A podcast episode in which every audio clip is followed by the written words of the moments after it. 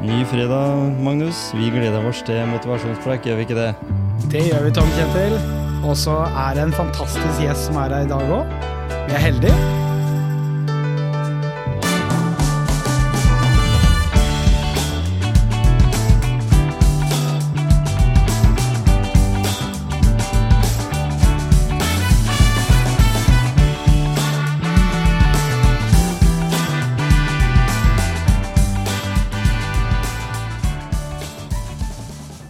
Dag er podkasten Motivasjonspreik tilbake igjen, vet du. Og vi er i studio.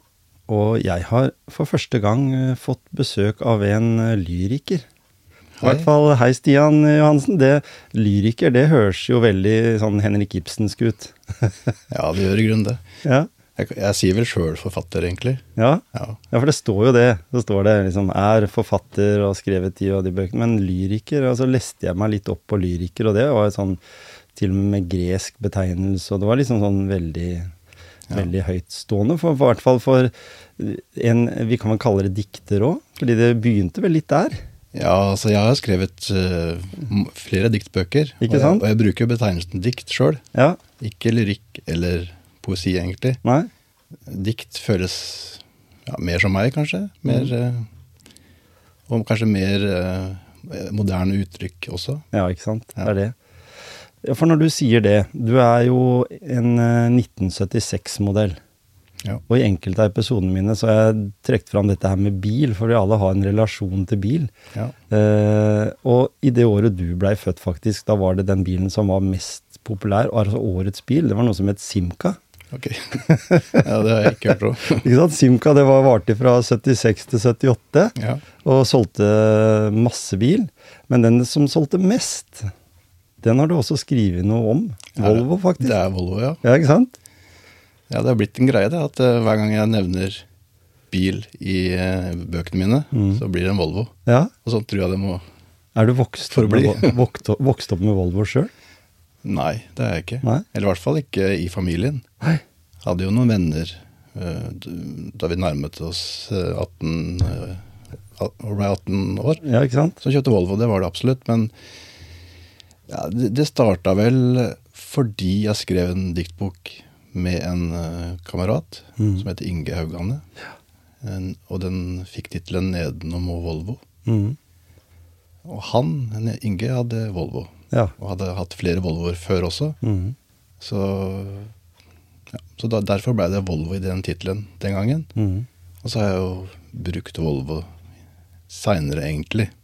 Mm. Prøvd å liksom komme tilbake til nedom og Volvo-begrepet, da. Ja, ikke sant? Ja, så Men Stian han er jo vokst opp litt i utkantstrøk, kaller vi det, vi som er fra Gjemse og Skien. ja. Fortell litt om eh, oppveksten din. da. Du, du kommer utafra nærmere Vold Ja, opprinnelig? ja, det er sant det. Jeg flytta jo til Voll, som er en drøy mil utenfor Skien sentrum, mm. da jeg var åtte år. Ja. Så de første åtte årene bodde jeg i byen her, Ja, ja. i Skien sentrum. Mm. Eh, Men flytta da ut til et nytt boligfelt som ble etablert begynnelsen av 80-tallet. Eh, 40 hus. Mm. eh, et område som da kalles for eh, ja, Vold, eller Svaneksvingen er jo mm. også et eh, begrep. Så det var jo en tid hvor eh, skolen blei jo etablert, idrettsforeninga blei etablert. Mm. Og det var sånn ja, Det var jo unge småbarnsforeldre som flytta ut dit. Mm. Så det var en stor grad av aktivitet og dugnad og mye idrett. Mm, Eh. Ski på vinteren, fotball på sommeren. Mye aktivitet i det hele tatt, da. Det er litt sånn som Venstøp er i Skien i dag, kanskje? Ja, ja, det kan godt At det ble sånn, for jeg, Ja. jeg husker det at uh, Velsedattera vår hun gikk sammen med når Gjemse skole fikk eh, klasser derfra. Mm. For det var vel barneskole i nærheten der, og så når de skulle på ungdomsskolen, så skulle de til Gjemse. Ja. Uh, og da husker jeg at jeg kjørte ut der flere ganger. Det var noen klassetreff og litt sånn Ja. over foreldresamtaler og sånn vi hadde. Eller sånn FAU, og det var mange greier. Og der var jeg ble jeg helt imponert over hvor mye hus som var oppå der. Så da er det som du sier, 40 hus oppe på åsen eh, Ja. opp forbi veien. Når du kjører liksom Ja. snarveien til Bamble, så er jo vi vant til å gjøre det med å kjøre Herrevoll. Ja, så det var jo Det var jo noen gårder og noen, noen spredte hus fra før av mm. som sokna til den samme skolen og samme idrettsforeninga. Men eh, på det meste på denne Svaningsskole da, som jeg gikk på, så var det nok ikke mer enn 40 elever totalt på hele barneskolen. Ja, ikke sant?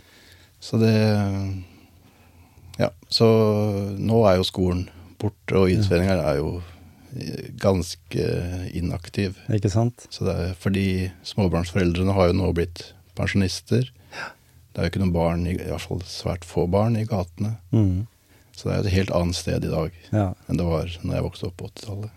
Litt sånn som eh, Jeg snakka med eldstedattera vår, hun er 30 nå. Vi, vi bodde jo de første elleve åra på Varpet når de vokste opp. Eh, og der blei det en periode som når vi flytta derfra, så, kom de, så flytta også mange av de ungene ut. ikke sant? De var blitt for gamle og fant sin egne uh, utdanning og, og andre boliger. Men nå er det faktisk da området liksom blitt tilbake, for nå har barnefamiliene kjøpt tilbake de husa fordi gamle har flytta på Klosterøya Ja, ja. eller kjøpt seg leilighet, og så står husa ledig for, for barnefamiliene. Så blir det en ny runde, da. Samme som det sikkert blir ut på Svanvik også. En ny runde med, med det. For det var, var det mange som jobba på Rafnes og Herøya og de industriarbeidsplassene. Ja, ja, absolutt. Det var jo en god del av de 40 husene som ble etablert den gangen, Mm var jo holdt av til eh, arbeidere. Arbeiderfamilier på Rafnes og Hydro. Ja. Så det var der det starta, liksom. Og så vet jeg jeg vokste opp eh, som liten pjokk i Flakorp, faktisk, og det er bare et steinkast unna. Ja, ja, sant det.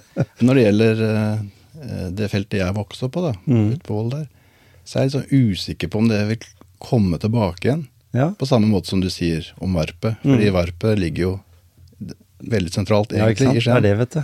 Mens der ute så er det jo, som sagt, det er over en mil inn til byen. Mm. Og når skolen nå er lagt ned da, som barneskole, og så er det jo sk- Terskelen for å flytte ut der da, som Mm. barnefamilie er jo mye høyere. Og, og Svanvik, Flakvarp, eh, Vold, alle disse her stedene, de ligger sånn i grensa mellom Bamble, Skien og Porsgrunn. Ja, ja. Jeg vet da ei som jeg jobba sammen med en gang, hun kjøpte hus i Flakvarp. Mm. Og det er fin plass der, og sånn, men hun ville i hvert fall aldri flytte til Skien.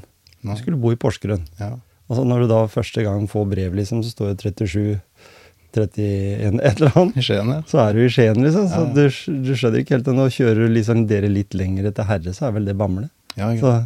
For det er mange som eh, Altså, det har jeg opplevd helt fra jeg begynte her i byen, på Mm. ungdomsskolen, på Mm. Moflata, og til en dag i dag, at folk sier eh, Herrevoll. Mm. Og Herre er jo et, en bygd i Bamble kommune. mhm. Vål er jo da en bitte lite felt i Skien kommune. Ikke sant? Så det Herrevoll er jo kanskje det eneste bindestrekstedet som jeg har hørt om. Det var en bestandig sånn, husker jeg når vi spilte fotball og sånn, så spilte vi jo alltid mot Herre eller mot Vold, og da, de hadde jo lag de òg før, så da var det sånn Ja. Var det ikke et eller annet de snakka om at det er bedre å være herre i vold enn at eh, det er vold i herre? Eller noe sånt? Det var et. Jeg hadde en, en bestefar som bodde på Herre. Han het Sverre. Så vi pleide å si eh, på Voll er det troll, men på Herre er det verre, for der bor Sverre. Ja, ikke sant? Men det var fordi det var rima, ikke fordi han var noe ille Nei, i det hele tatt. Det gikk an å lage det gikk an å, vi, Når vi er inne på det der, så hadde vi vel litt uh, takhøyde. Jeg følte ikke seg krenka den gangen. På 80-tallet.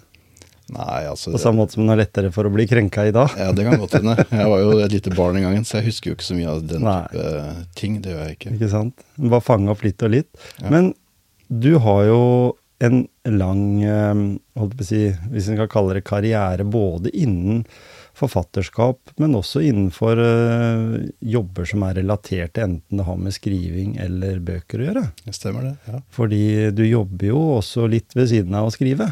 Ja, det har jeg gjort hele tida. Jeg begynte i bokhandel i 1995. Mm. Da var jeg 19 år gammel, Ja. rett etter videregående. Og har jobbet i bokbransjen hele tiden etter. Mm. Både i bokhandel, i ulike forlag i Oslo, i eh, bibliotek Ja. her i Skien. Og jeg har også jobba som bokbransjejournalist mm. i flere år i Oslo. Ikke sant? Så jeg har hele tiden jobbet i bokbransjen, faktisk.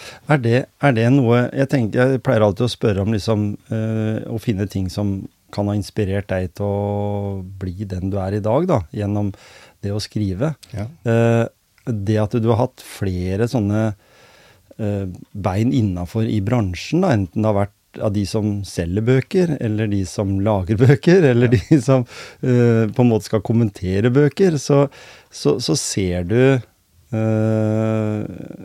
dette her, dette her, Den forfatteren, den ser du fra forskjellige vinkler, da. ja.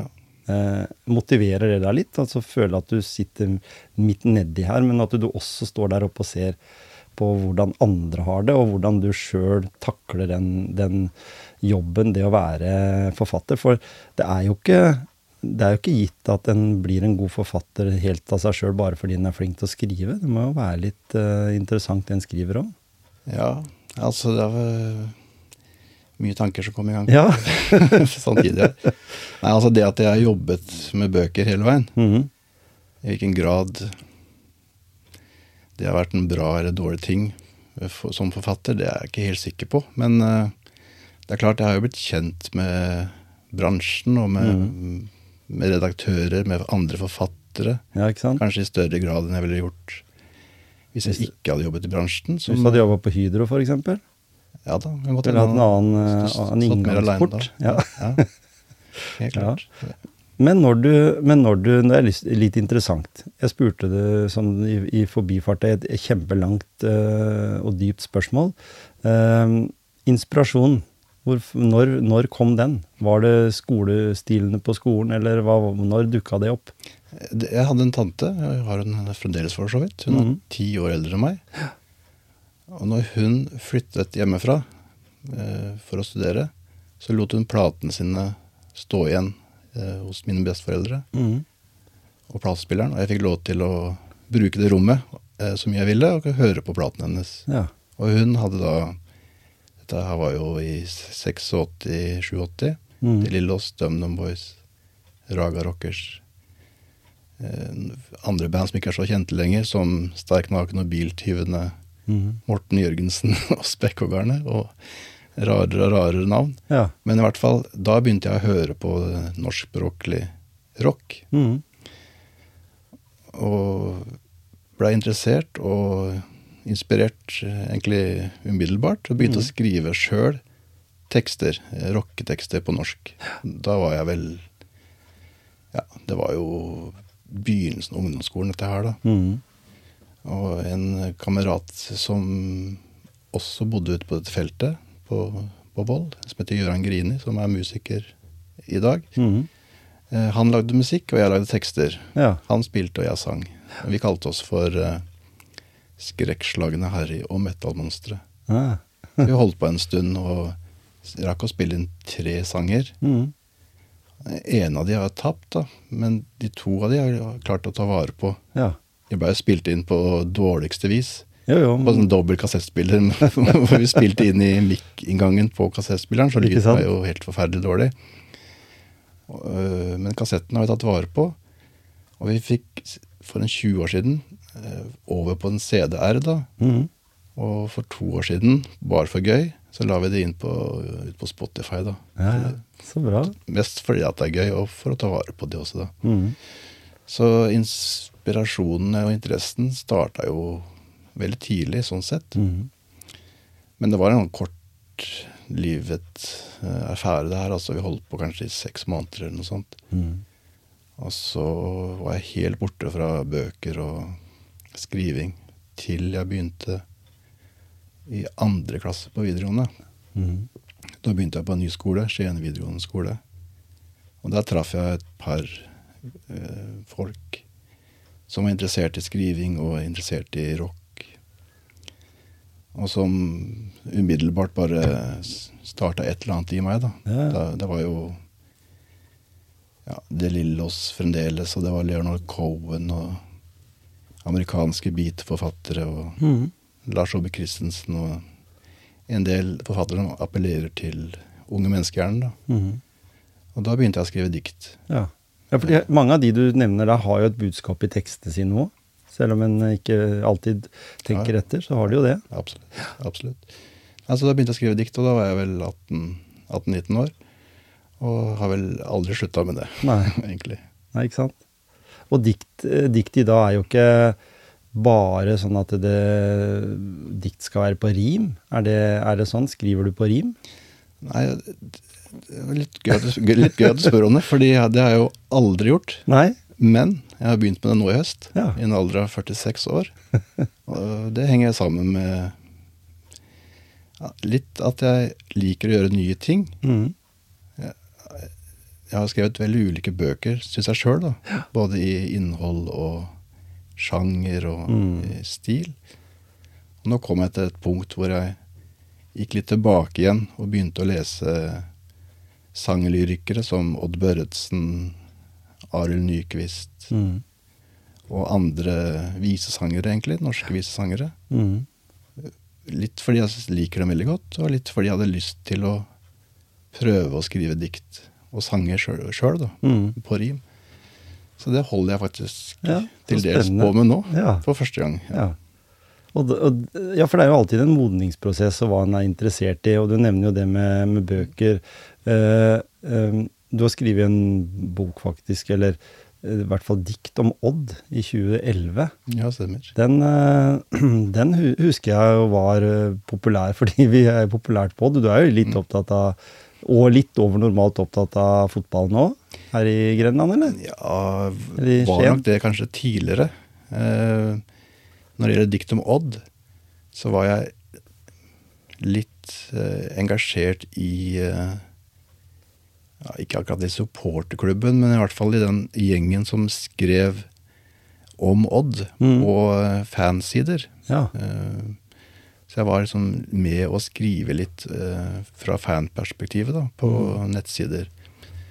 Jeg lurer på om det het oddran.no, det er nok borte for lengst.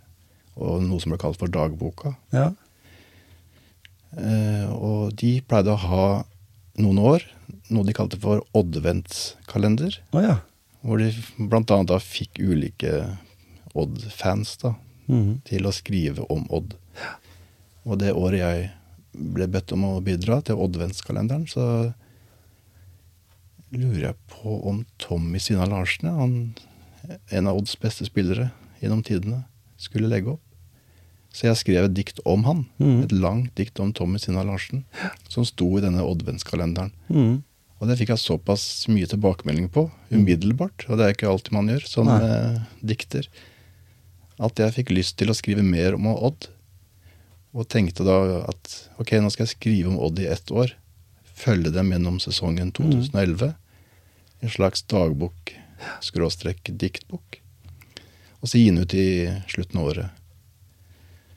Og så holdt jeg på med det, da. Uh, ja, jeg, jeg prøvde jo aldri å få gitt ut den på et forlag. Nei, så da ble det eget? det var eget. Ved eget forlag. Ja. Ja. Om Odd, 200 eksemplarer. Og den ble solgt ut som du sier, veldig fort. Og så ble det litt etterspørsel i åra som fulgte. Samtidig som jeg ikke hadde lyst til å trykke den opp igjen, for jeg syns ikke den var så god. Nei, den var veldig sånn eh, tidsbestemt på et vis Mm. til denne 2011-sesongen. Mm. Det var få av dikta som sto seg over tid. da. Ja. Så istedenfor å trykke den opp, så fikk jeg lyst til å prøve å skrive noen tidløse dikt om Odd isteden. Mm. Og dette var i 2016. Og da kom en bok som heter 'Underdoggens Uppercut'. Mm. Nye og gamle dikt om Odd. Eh, som vel ble trykka i 350 eksemplarer eller noe sånt. Eh, og den solgte jeg ut samme dag som jeg henta den på Ja. trykkeriet. Men det var jo litt fordi Eller utelukkende fordi Odd sjøl kjøpte kjøpte 250 av de. Eller et eller annet. ja, ja. Og så kjøpte butikken i Skien resten, da. Så den kom ut i 2016. Mm. Da, etter jeg hadde gitt ut den andre boka her, tenkte jeg nå er det ferdig. ja. nå får det holde. Og etter det har det bare gått nedover Odd. Nei da, det har jo holdt seg der. Ja. Og det har jo vært kanskje den klubben i Eliteserien som har vært jevnest over tid. Eh, sett ut ifra Sett ut ifra det de bruker av penger. Og Einar kjenner du jo Ja. også, så, så vet jo hva han er god for, på en måte. Han har vi jo hatt med i podkasten her tidligere. Uh, og han kommer sikkert igjen, fordi det er to typer Einar. Det er den ene som bare snakker om fotball, og så er det den andre Einar som, som, som er opptatt av litt andre ting òg. Ja. Men når du skriver, så må du jo finne en form for motivasjon. Når du skrev om uh, Vilkås, det er riktig det, si at det bandet het Wilkås. Ja, Eller Wilco. Wilco, ja. Mm. Og der har du skrevet en bok som heter Jeff Tweedy, Mm.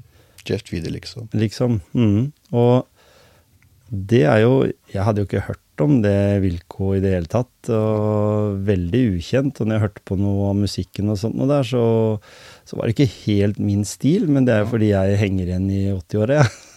Av annen type musikk. Men, men, men hva som fikk deg til det? For det, det, den eh, tilbakemeldingen som har kommet der, er jo at det er jo en vel så mye en historisk eh, fortelling om eh, det samfunnet som, som de driver. Er det, ser, du, ser du litt tilbake igjen til de, eh, spille, den spilletida du hadde med kompisen din? Ja, nei, eh, nei, det var veldig begrensa, min egen spilletid. Ikke sant? Nei, altså den Ideen til denne boka kom sånn umiddelbart. Mm. Og samtlige av de bøkene jeg har skrevet, bortsett fra én, eh, romanen 'Norge og døden', så har ideene kommet umiddelbart.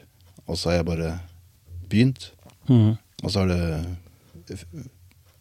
ja, I hvert fall de bøkene jeg har gitt ut, så har det funka, da. Jeg har hatt mange andre ideer som ikke har funka. Men denne ideen om å skrive om Jeff Tweedy kom plutselig, og viste seg å funke, da. Og det var jo fordi jeg hadde vært interessert i musikken hans Mm. i mange, mange år mm, den gangen. Begynte å høre på han i 1997. Og jeg var interessert i han som en type, fordi han han byr mye på seg sjøl, i intervjusituasjoner og fra scenen. og Mm. Forteller eh, både private ting, familieting, ting om skriving, eh, ja, om kunst, sånne ting. Mm. Så han var som en type som jeg syntes var litt interessant å finne ut mer om, egentlig. Mhm. Jeg visste jo overhodet ikke alt om han. Men det var jo derfor jeg ville skrive boka, fordi jeg hadde lyst til å sånn dukke inn i han og, og lære mer om han, rett og slett. Men, men du kaller det jo fanfiction. Ja, jeg- altså den typen, da. Eller med bransjen som, Ja. som du skriver sånne ting. Ja. Men- ja, det er jo en fiksjonsbok, absolutt. Så det er jo derfor jeg også har lagt til denne, liksom. Så det, så det er, jeg har jo en begrensning der på hva som er sannsynlig. Mhm. Og har jo prøvd å ikke dikte ting som er Som jeg vet ikke kan stemme. Mhm. Og så er jo den Jeff Tweedy liksom en blanding av dikt og prosa. Mm. Eh, Så prosatekstene i, denne boka er jo biografiske. Ja. Hvor jeg har kilder, eh, gode kilder, da. Mens diktene, som på en måte er mellom disse pros prosa-knaggene, Mhm. der dikter jeg jo på en måte fritt. Og det gjør jeg jo rede for i boka også. Eh, og dette var den første jeg ga ut på Aschehoug forlag. Dette var i 2014. Mm. Og ingen på Aschehoug som leste denne boka, hadde hørt om Jeff Tweedy. Og hun konsulenten jeg hadde, jeg tror ikke hun Eller det vet jeg. Hun visste ikke at dette var en levende person før vi var kommet veldig langt i arbeidet. da. Nei. Og det var jo helt bevisst fra min side også Mm. å prøve å skrive på en måte som gjør at det kan være interessant, uavhengig om du vet hvem Jeff Tweedy er eller ikke. da. Så jeg prøvde jo å skrive om hvordan er livet som turnerende musiker. Hvordan er det å mm. jobbe når andre har fest? Hvordan er det å jobbe på andre siden av Atlanterhavet når familien har et annet uh, liv der, mm. mens du er europaspiller? Ja, og hvordan er det å skrive låter, rett og slett? Og sånne ting som jeg prøvde å Ja, og hvordan er det å som Jeff Tweedy da, vokste opp med punken, vokste opp uh, med den type musikk som han gjorde, da. Mm. Så det var sånne ting jeg hadde lyst til å finne ut av. Eh, og de anmeldelsene og tilbakemeldingene jeg fikk, gikk jo på at dette kunne blitt teit og internt Mm. for eh, fansen, men det ble ikke det, da. Nei, det ble snarere en historie om ja, om kanskje om amerikansk Ja, for det, er ikke bare det, de kommentarene, tilbakemeldingene er jo ikke bare basert på musikken, som du sier. Det var jo mye annet også. Som, det var musikk musikksjanger, det var, Mm. Var liksom det amerikanske samfunnet. og Ja, hele den biten Ja, ja. der òg. Og så er jo, syns jo jeg, navnet i seg sjøl jeg, jeg liksom, når, jeg lukket øynene og tenkte Jeff Tweedy, så så jeg for meg noen, en helt annen personkarakter sånn i starten enn den personen du hører om i boka. Eller som du ser i, på, på YouTube og på andre steder. Så mm, Han også er en type som forandrer seg, eller forandrer uttrykket sitt, da. Fra mm. plate til plate. Han mm. gjør sjelden det samme om igjen. Han Ja. vil liksom videre i musikken sin. mm. Det også var en ting som fascinerte meg med, med han, da. Og det står det jo også litt om at det var jo til forleggeren hans, hvis du tenker på de som trykte opp musikken, eller gjorde det, det deres frustrasjon ofte. Fordi Mm. det kan være litt sånn at det er ikke alle fansa som blir med på turen, Nei, på en måte. Så, men vi vet om flere band som har prøvd seg på det, og, og noen har vært stått veldig i det og sagt at sånn er det, sånn skal jeg gjøre det, og så er det andre som, som Ja. bare må finne i seg at de må gå tilbake igjen til, Ja til det. Så Jeff Tweedy er en kompromissløs type sånn Mm. sett. Har aldri hatt en hit. Nei, ikke men, men han spiller jo på fulle hus. Når han er i Oslo, for eksempel, Ja, ja. spiller han jo på Sentrum Scene, og mm. 1500 billetter blir solgt med en gang. Så det Ja. er jo en forholdsvis stor artist. Ikke sant? Ja. Så det, det må man si at det, da er det viktig å få tak i Jeff Tweedy, liksom. Så det er en bok som, som du fint kan lese opp på. Ikke bare amerikansk kultur, men også om en artist. Som fortsatt er i, full vigør, hvis en skal si det på den måten. Absolutt. Ja, hvor finner du motivasjon til å skrive, da? Du sier litt om det nå. Du Ja. fanger opp noen elementer som du sjøl har gått og båret på, Mm. og så begynner du å skrive om det. For, for det å skrive om Jeff Tweedy uten at det skal bli en, eh, en, en selvbiografi av han, som du Mm. skriver for han, så må du vite ganske mye. Så du må drive en del research. Ja, jeg drev veldig mye research når, Mm. når jeg skrev den boka. Absolutt. Jeg hørte på utallige radiointervjuer og Mm. leste masse avis- og magasinintervjuer og leste tekstene hans veldig nøye og sånne ting. Jeg Mm. gjorde veldig mye research, absolutt. Jeg tror, eh, eller jeg vet, at eh, fellesnevneren for alle de bøkene jeg har skrevet, er jo at jeg har vært interessert i å finne ut mer om noe, da. Mm. At jeg ikke vet alt før jeg begynner å skrive. Nei, ikke sant? Jeg har lyst til å finne ut noe. Mm. Eh, Jeg nevnte 'Norge og døden' i stad, som en roman jeg ga ut i 2018. Da var jeg jo interessert i å vite mer om alle disse, særlig trønderne Mm. og nordlendingene, som kom til Porsgrunn og Herøya og industrien på 50- og 60-tallet. Mm. Som kom, hvor kom de fra? Ja. Hvordan hadde de det der de kom fra? Mm. Hvordan var kårene? Og hvorfor kom de hit? Og hva skjedde her? Og grunnen til at jeg var interessert i det, var jo at mine egne besteforeldre tok den reisen. Ja. Jeg visste jo veldig, veldig lite om, om det, ja, egentlig. for de snakka ikke så mye om det, eller? Nei. Det var ikke en sånn familiehistorie, liksom, som gikk på de tinga der? Snakka ikke så mye om det. Jeg vet ikke om det var fordi de ikke ville det. Det var kanskje fordi jeg ikke spurte i vel så stor grad. At jeg var kanskje for ung til å spørre før de ja, døde, muligens. At heller at interessen for familiehistorie kanskje kommer litt når besteforeldre og sånt går bort òg, da. Ja, kanskje. Kan hende. To av de døde jo da jeg var ganske ja, ungdom, mens Mm. de to siste døde jo rett i forkant av denne 'Norge og døden'-boka. Mm. Som gjorde at jeg hadde lyst til å uh, finne ut mer, da, rett og slett. Men det er jo ikke en, eh, en familiehistorie. Det er det jo ikke. Jeg, det er også så, hva er sannsynlig, på en måte. Mm. Ja, for det der er litt om livssyklusen, som du sier, med, med, med mennesker som på en måte opplever ulike ting. Eh, også det industrisamfunnet som var. Det er vel sånn jeg leste eh, et sted at det, Norges nest største folkevandring var vel akkurat den der med at eh, de nordfra, eller de oppafra, kom mm. ned til Grenland for å jobbe i industrien. Ja. Det var såpass, eller ikke bare i Grenland, men også Rjukan og Ja, ja. Notodden og sånn. Ja, ja, min bestefar fikk jo tilbud om eh, jobb eh, både på Notodden og i Porsgrunn, og valgte jo Porsgrunn. da. Mm.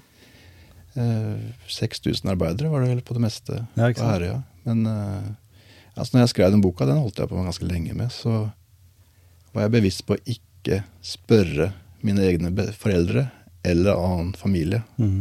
om denne historien, da, for å kunne stå friere, egentlig, da, til å dikte og skrive Ja, ja. også, så ikke det skulle bli for nært. Ikke sant? Um, For da, da behøver det jo ikke å bli Eller tenker du sånn når du skriver en sånn type bok, om at nå må jeg være historisk korrekt, eller? For det er jo veldig mange som hi, heng, henger seg opp i det, hvis det skal gå sånn. For her har du ikke noen personer som vi kjenner igjen med en statue på vestsida, eller en jeg vil eh, ja, til en viss grad korrekt, da, på den måten at jeg vil jo ikke jeg stå jo Muligens i boka, husker jeg ikke. At det var 6000 arbeidere på det meste og sånt. Mm. Den type informasjon vil jeg jo ikke tulle med. Nei, ikke sant? at det var 60 000, Nei. eksempel. Sånn. Jeg vil jo prøve å Holde det ned på den. ja, den, ja, den type informasjon vil jeg jo prøve Mm. å holde riktig. Ja. Og det har bygd det samfunnet vi lever i i dag. Ja, og samtidig så, så kom jo han, eh, den russiske lederen, kom jo til Herøya på besøk sammen med Einar Gerhardsen. Var ikke det Kan det ha vært Khrusjtsjov? Det kan ha vært Khrusjtsjov, ja. Ja. Han var vel utenriksminister? Ja. Så den, og det gjør han i boka òg. Ja. Kommer med toget fra Oslo. Oslo. Og det vet jeg jo er sant at han var i Porsgrunn, og at han kom med toget. Og at han vel kom med Gerhardsen. Men alt det andre som jeg skriver om, det er jo ikke nødvendigvis sant. Hvordan Nei, han ble tatt imot på perrongen og sånne ting. Nei da, men det er jo Og det er jo sånne ting eh, litt interessant når du sier det, fordi vi har jo hatt eh, Ibsen, han kom sikkert inn bakveien en tur hjem til Skien bare for å se hvordan byen var blitt, uten at han nødvendigvis var Ibsen i den figuren vi kjenner. Eh, Jan Mario Hansen eh, gjorde jo det. Kom jo hjem fra noen polferder og ble tatt imot som, som helt på, på togstasjonen. Ja. Eh, Og den gangen var jo togstasjonen nede i byen. Så mange tenker at den var nå på helt oppå der, på Nylende, men den lå jo Ja. midt nede i byen. Og, og jeg syns jo sånne historiske ting er interessante, fordi en ting som, som jeg alltid har tenkt på i, i disse litt hotte tidene med Russland og Sovjetunionen-tida og sånn, så, så var det litt interessant å tenke på at eh, vi hadde altså verdens største papirfabrikk på Klosterøya Ja. på den tida. Og i 1970 så var det jo arbeidere som bygde kraftverket på Klosterøya, eh, altså det Klosterfossen, som kom fra St. Petersburg Ja. i Sovjetunionen. Så at de hadde noen som sneik seg inn for å se hvordan en kunne lage Norge, eller verdens største papirmaskin, eller sånn. Det, i, I disse spiontidene som det var, Mm. eh, syns jeg det har vært interessant der. Og noe jeg tenker hadde vært veldig gøy å skrive bok om. Ja, det, det, det tenkte jeg også nå når du sa det. Ja. den Union- eller Klosterøya-romanen Mm. uh, fins jo ikke. Nei, det er ikke skrevet en sånn ordentlig dyp øh, Jeg har jo så mange historier om det. Jeg husker det var to karer som jobba sammen under den store maskinen. Altså vi snakker om verdens største papirmaskin. Eh, og de jobba der eh, og var totale fiender. De krangla hele tida, men de jobba sammen i 40 år. Ja. I olje og drit som var under der. Så, så det er mange sånne Jeg har hørt mange gode historier fra, fra Klosterøya som, Ja. som kunne laga mye morsomt av. Og, Ja. og når en ser sånn som Skottfoss eh, som lite utkantstrøk, selv om jeg spora litt av nå, så leste jeg vel i går at det var 50 butikker Ja. oppe på et eget politi. Ja. Og lege og alt var liksom der. De, det var et lite samfunn. Ja. Og sånn var det jo egentlig på Klosterøya, for det var jo boliger helt nedpå haugene der, og det var boliger eh, på, på øya med sånne små sørlandshus, og det var liksom et Mm. eget miljø der. Så det er rart å tenke på det at alt dette rundt oss her har jo blitt på, på grunn av det industri, både Gjemse og Skien egentlig, har blitt til på grunn av en sånn industrielt midtpunkt, da. Ja. Mm. Og Skottfoss er jo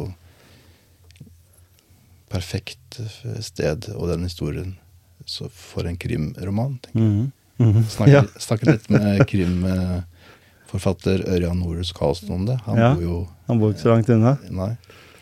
Fordi den Det er jo lett, det er plass som kan uh, lett stenges av, f.eks. Mhm. Den ligger jo på en måte på en måte som gjør at uh, kontakt med omverdenen kan, kan bli brutt, på et vis. da. Mhm. Så det Det var, det var jo Det er jo bare Den bilveien kom jo i 1899. opp til Skottfoss, men de brukte jo vannveien Ja. stort sett bestandig. Og det som vi kjenner som Elstrøm nå, for å komme kjappere over, den fantes jo ikke, så måtte helt inn til byen. Ja. Så det var ganske, ganske tungt. Da var det kjappere med båt, Ja. rett og slett. Og det er som du sier, det er litt sånn som hvis en ser på den her krimmen som eh, hva, hva heter den igjen nå? I hvert fall sånn ah, engelsk krim, da. Der halve bygda stryker med i hver episode.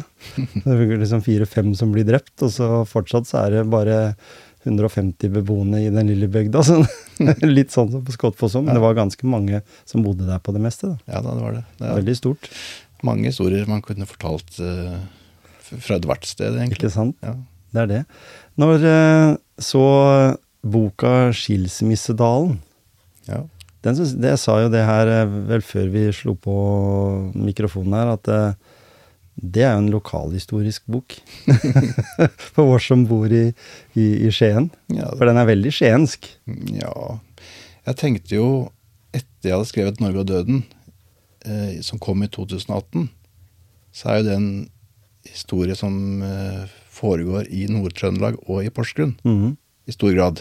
Pluss Radiumhospitalet i Oslo. Mhm. Så tenkte jeg Jeg visste jo ikke helt hva jeg skulle skrive neste gang.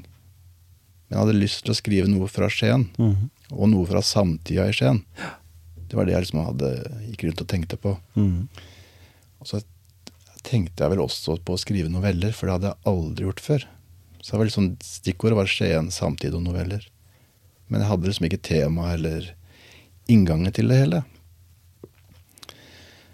Og så overhørte jeg en samtale. eh, En dame som brukte uttrykket 'skilsmissedalen'. Mm. Nettopp om Venstøp, da, som du nevnte i stad. Ja. Og det ordet i seg selv Mhm. syns jeg var så bra. Og hun forklarte da, ikke for meg, da, for jeg lytta jo bare, at alle disse nybyggehusene på Venstøp, hvor barnefamilier da i stor grad har flytta inn de siste siste 10-15 åra, eller noe sånt, så blir jo halvparten skilt der også. ja. Og at hun sa jo da at mødrene flytta over dalen til andre Mhm. siden, til de mindre husene og leilighetene og sånt der. Og at barna gikk fra det ene sida av dalen til den andre, for det gikk ikke noe buss der. Nei, ikke sant? Så jeg fikk sånn bilde i hodet av disse barna som går i denne dalen mellom foreldrenes hus. Og det var det som på en måte trigga det hele i gang Mm. med å skrive da om skilsmisser og slitte relasjoner og den type ting.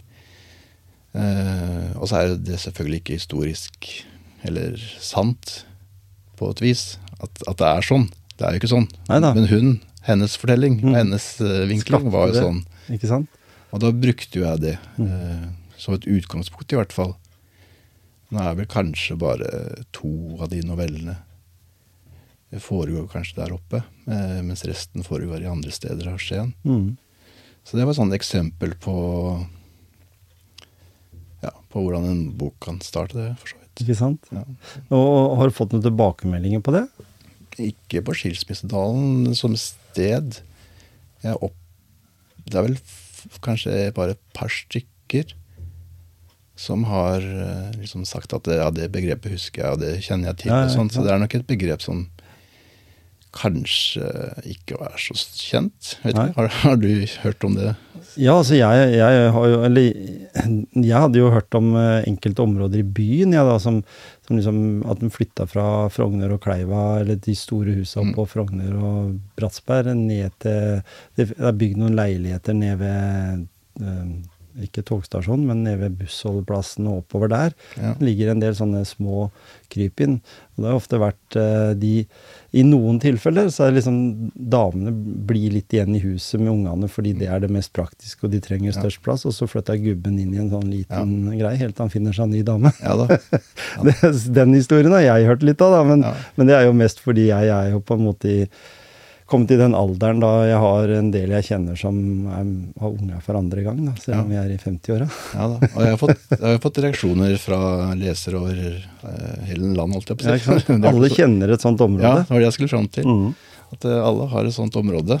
Uh, blant annet på Jeg lurer på om det var på Grefsen i Oslo. hvor en leser sa at han bodde i skilsmisseblokka. Ja. Altså Det var navnet de brukte selv på denne blokka. Og jeg har hørt andre typer uttrykk også.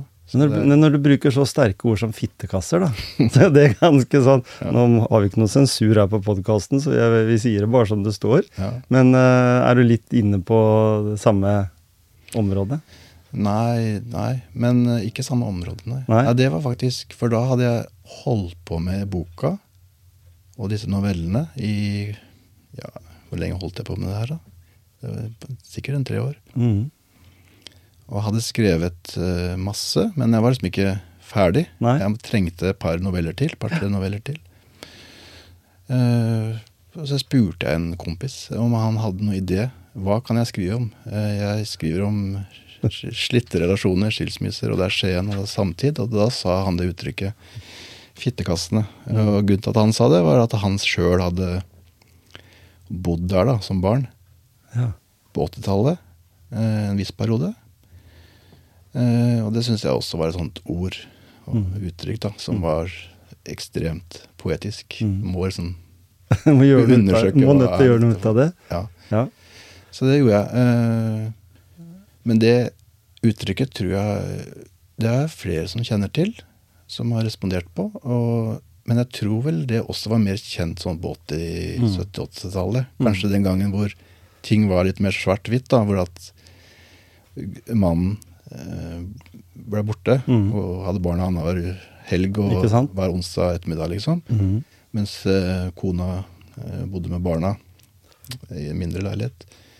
Nå er det jo ikke på den type. Eh, så det, dette området som han bodde i, da, der er det jo ikke sånn i dag. Nei? At der bor mødre med barn. Nei. Der bor alle ty- typer. Alle typer. Ja, Ja da. absolutt. Så, og ja, det har endra seg litt, fordi jeg vet jo det at når vi kjøpte oss leilighet, når vi skulle få barn, og du liksom gikk den veien, så var det boligbyggelag, og så når ungene blei sånn og økonomien blei sånn deretter, så blei det hus, og så Mm. blei det tilbake i leilighet. Sånn er det.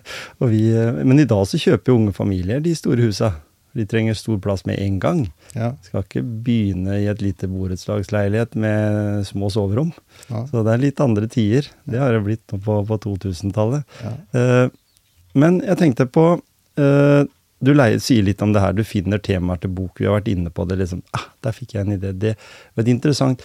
Holder det for deg da at det, du blir motivert ut fra det at du får et ord? Eller sånn som du fikk her, liksom den her eh, skilsmissedalen, og så begynner, å, begynner hodet ditt å spinne med en gang da? Liksom, se hva begynner å lage seg et, et bilde? Lager du visualisering, eller hvordan, hvordan gjør du det der? For det er en interessant prosess, tenker jeg. For det er ikke liksom bare sånn at det, det Jeg vet jo det at det setter du deg ned Du skal skrive en Jeg har lyst til å skrive en bok om motivasjon, og det har jeg begynt på mange ganger, da. Jeg har gitt ut en bok òg, for så vidt, men med andres tekster, da. Eh, men allikevel så blir det sånn Hvor skal jeg begynne? Ja, det begynner Det var en gang, altså. Det må jo begynne Altså, du, har du en strategi? Har du en strategi, eller er det bare at du begynner å skrive? Bare skriver. Skriver masse. Skriver masse, masse, masse. Så når jeg eksempel skrev 'Skilsmissedalen', så skrev jeg jo 35 noveller, vil jeg tro, sånn røftlig. Mm. Jeg skrev ikke alle helt ferdig, for de skjønte jo før de var ferdig noen ganger at det ikke ble bra nok. Men, Ja. Og tolv av de havna i boka. Så jeg skrev jo masse typer fortellinger som aldri liksom eh, kom med, da. Mm. Prøvde jo f.eks. å skrive om syriske flyktninger som kommer, kom til Skien, da. For det var jo flere av på den tiden jeg begynte. Mm. Som kom aleine, og kona satt igjen i flyktningleir og den type ting. For, ulike mennesker jeg ble litt kjent med, eller, eller bare så vidt fikk litt historie av. Prøvde å skrive om det. Eh, Gud at det ikke kom i boka, var for at novella ikke ble bra nok. Eh, eh, prøvde jo å ja, skrive om eh, Hørte en historie om en eldre kar som bodde på hotellet i byen her. Mm. Fordi det- ja, det kosta penger, men det kosta også penger å vedlikeholde et hus og betale for et hus videre. Han var blitt aleine. Så det var sånn og såpass snedig greie, da. At jeg prøvde å skrive en novelle om han som bodde på dette hotellet, da. Og hvorfor han havna der. Mm. Eh, Så, ja, så svaret var egentlig å skrive veldig mye, da. Ja? Og så se hva som holder til slutt, egentlig. Jeg vet om et par stykker jeg som bodde fast på Dag Bonheim. Ja, Og det ja han eh, rom der, og det, og det var faktisk sånn Når han regna det ut og fant ut at det var Så var det faktisk billigere å bo der. Ja, nettopp. Ja. Og det var jo Han fikk jo bra pris òg. Ja. Han bodde der måned etter måned etter måned. Han var sikker inntekt, han, vet du, for, eh, for hotellet. Så, og det, jeg husker en gang noen gutter som skulle etablere virksomhet på Klosterøya for, eh, i 2007, når det var liksom eh, Når det var nedstenginga der. Så begynte de å snakke om noen priser på lokaler der per kvadrat. De var, lå ganske lavt, men de lå mye, mye høyere. Så de eh, kom med argumentet om at det er faktisk da billigere for oss å leie toppsuiten på Comfort Hotell Bryggeparken. Ja. Og ha businessen vår der, for der kan vi gå ned og ta gratis kaffe, og der var det gratis drikke, og det var toalett, og det var dusj, og det var eh, rom så de kunne overnatte, og det var liksom Alt var der. Ja. eh, enn det å ha et stort eh, lokale på, på klosteret. Så jeg husker det der, der at hotellet er ikke en dum eh, måte å Nei. tenke på det, hvis vi kommer til dekka bord. Satt det. Ja. Ja. Når, når vi nå snakker eh, nå, i forhold til det med forfatterverden, du sier du har blitt kjent med mange. Er det noen utover de du har snakka om nå, som, som har inspirert deg til å utvikle deg som eh, Har du, har du utvikla deg når du sier at du begynte med dikt og prosa, og så var du inn i noveller, men og så, og så vært på roman? altså eh, For det er jo ulike sjangere. Og noen er jo skapt veldig for akkurat den sjangeren, og andre er skapt veldig for en annen sjanger. Uh, Har du respekt for de som leverer roman etter roman etter roman? I forhold til, som du sa, hvor mye tid den brukte på, på å skrive det? Ja, ja, absolutt. Det må jeg ha. Jeg kan ikke si noe annet enn det. Og du har jo truffet noen nå. Du har jo vært engasjert i litteraturhuset Ja, også, så du har jo på en måte styremedlem i Litteraturhuset i Skien i syv år, Ja. fram til jeg gikk av nå i sommer. Mm. Var jo daglig leder et års tid også.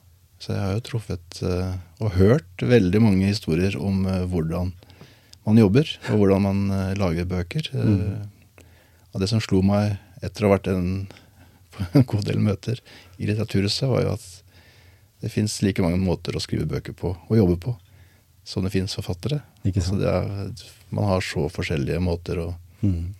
Det jobbe på. Det er ikke noe mal. Nei, Nei. det finnes en egen mal. En prøver liksom å presentere mal på nettet. Sånn lærer du å skrive. Men at en må finne sin egen vei. Ja, det er det man må gjøre. Mm. Ja. Framtida, da? Er det noen nye prosjekter på gang? Ja, jeg skriver jo hele tiden. Du har kommet et skritt videre enn de som bare skriver for å, for å skrive og prøver å få gitt ut. Altså du, du har jo nært, en nær relasjon til forlag, Ja, som pusher deg litt òg. Altså ja, så det er ikke sånn at det er helt liksom sånn du, du aner ikke hva som kommer til å skje, men du er liksom i den Mm. uh, loopen der. Ja. Jeg gir ut min femte bok på Aschehoug nå i, til våren. Mhm. Det er en diktbok igjen. Det er jo min første diktbok på Aschehoug på åtte år, blir det faktisk. Mm. Det er lenge siden. Mm. Jeg trodde jo en god stund at jeg ikke skulle skrive dikt igjen. Eh, Men det har jeg nå begynt med igjen. Ja, ikke sant? Begynt på å rime og alt, Jeg liksom. begynte til og med begynt å rime. Da. Den diktboka som kommer til våren, der er det ikke så veldig mye rim. Det er faktisk noe, men det er veldig lite. Så det er nok neste bok der igjen, eventuelt. At Ikke det vil komme, da. Mhm. Men den boka som kommer til våren, eh, var jo også en sånn type som Ideen kom bare der. Mm. Hadde ikke tenkt et sekund på å skrive om det temaet i det hele tatt før det kom. Og det var fordi kjæresten min eh, og jeg eh, lager jo en del mat sammen når vi er sammen. Mm. Eh, og hun er veldig flink, syns jeg. Og så sa jeg til henne i august i fjor kan ikke du, Etter jul så ønsker jeg meg at du skriver ned en god del av disse oppskriftene eh, på det som du lager, og som vi har laget sammen, og kanskje en del sånne basisting. Mhm. Eh, basis eh, ting som er greie å ha med seg. Sa jeg. Og så sa hun ok, men da må du skrive diktene. Ja.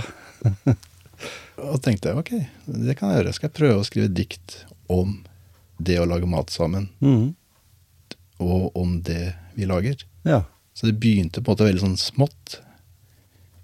akkurat det, liksom, med tanke på en julegave. Ja. Men så skjedde jo det, da, utover høsten, at det utvida seg. Mhm. Det ble st mye større enn det. Jeg begynte jo å skrive dikt om mat.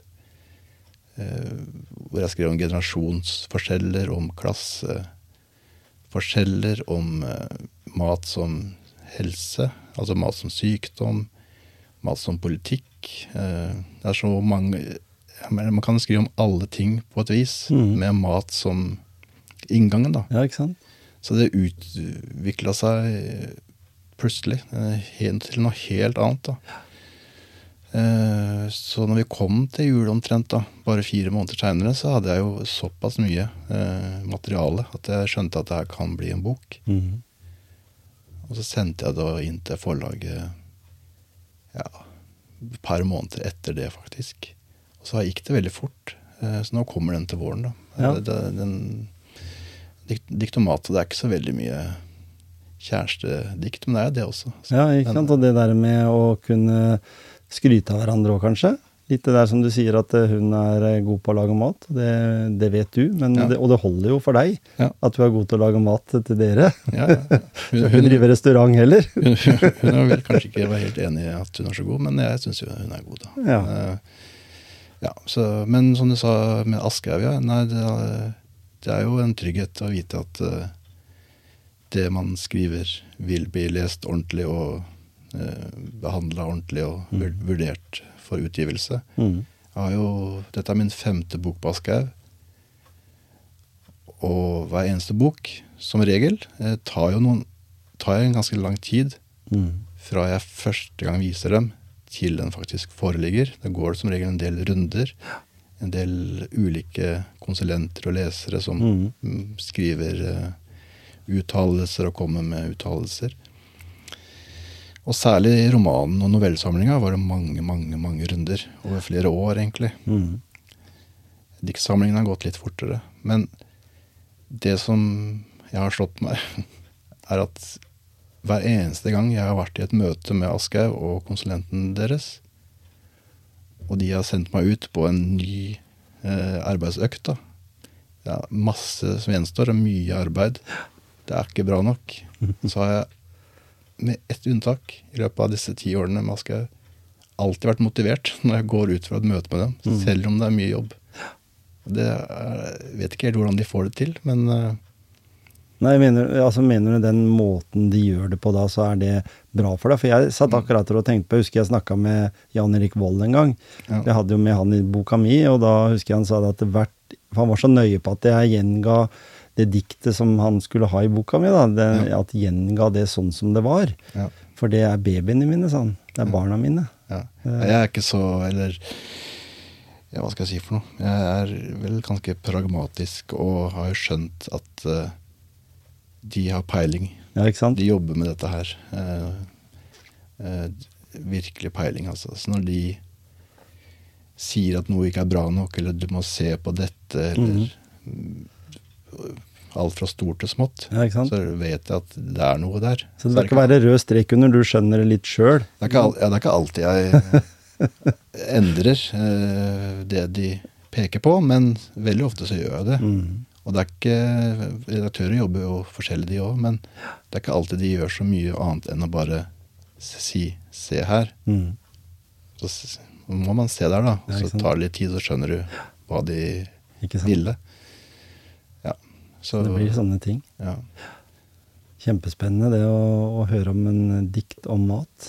Den syns jeg er interessant. Jeg er interessert i å lage mat sjøl, Ja. så det er artig å, ja, høre. det er jo det er, det er også et tema som jeg absolutt ikke kan så mye om. Nei, nei.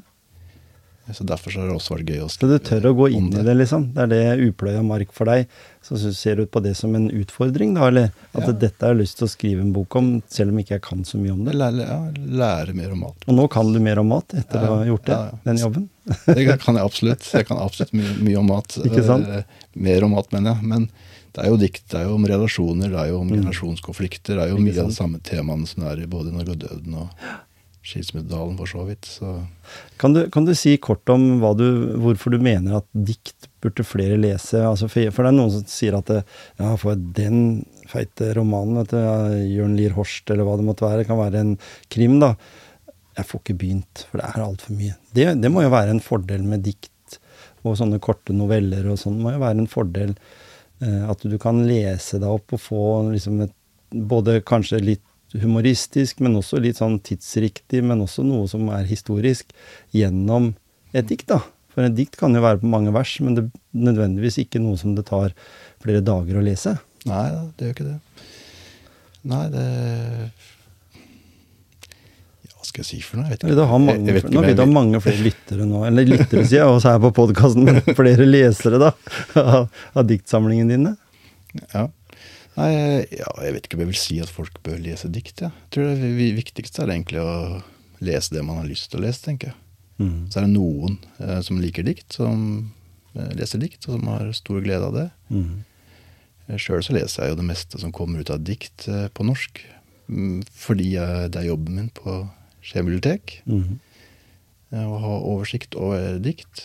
Og så er det jo fordi at jeg skriver dikt i den andre jobben min, så da er det jo på en måte en del jobb min der også. Mm. Og det er jo svært få bøker i løpet av et år som jeg liker så godt at jeg leser de om igjen. Ja. Eller ønsker å dele de med andre, på en måte. Det er jo sant? en håndfull maks. Eh, som, samme er det jo når det gjelder romaner òg. Mm.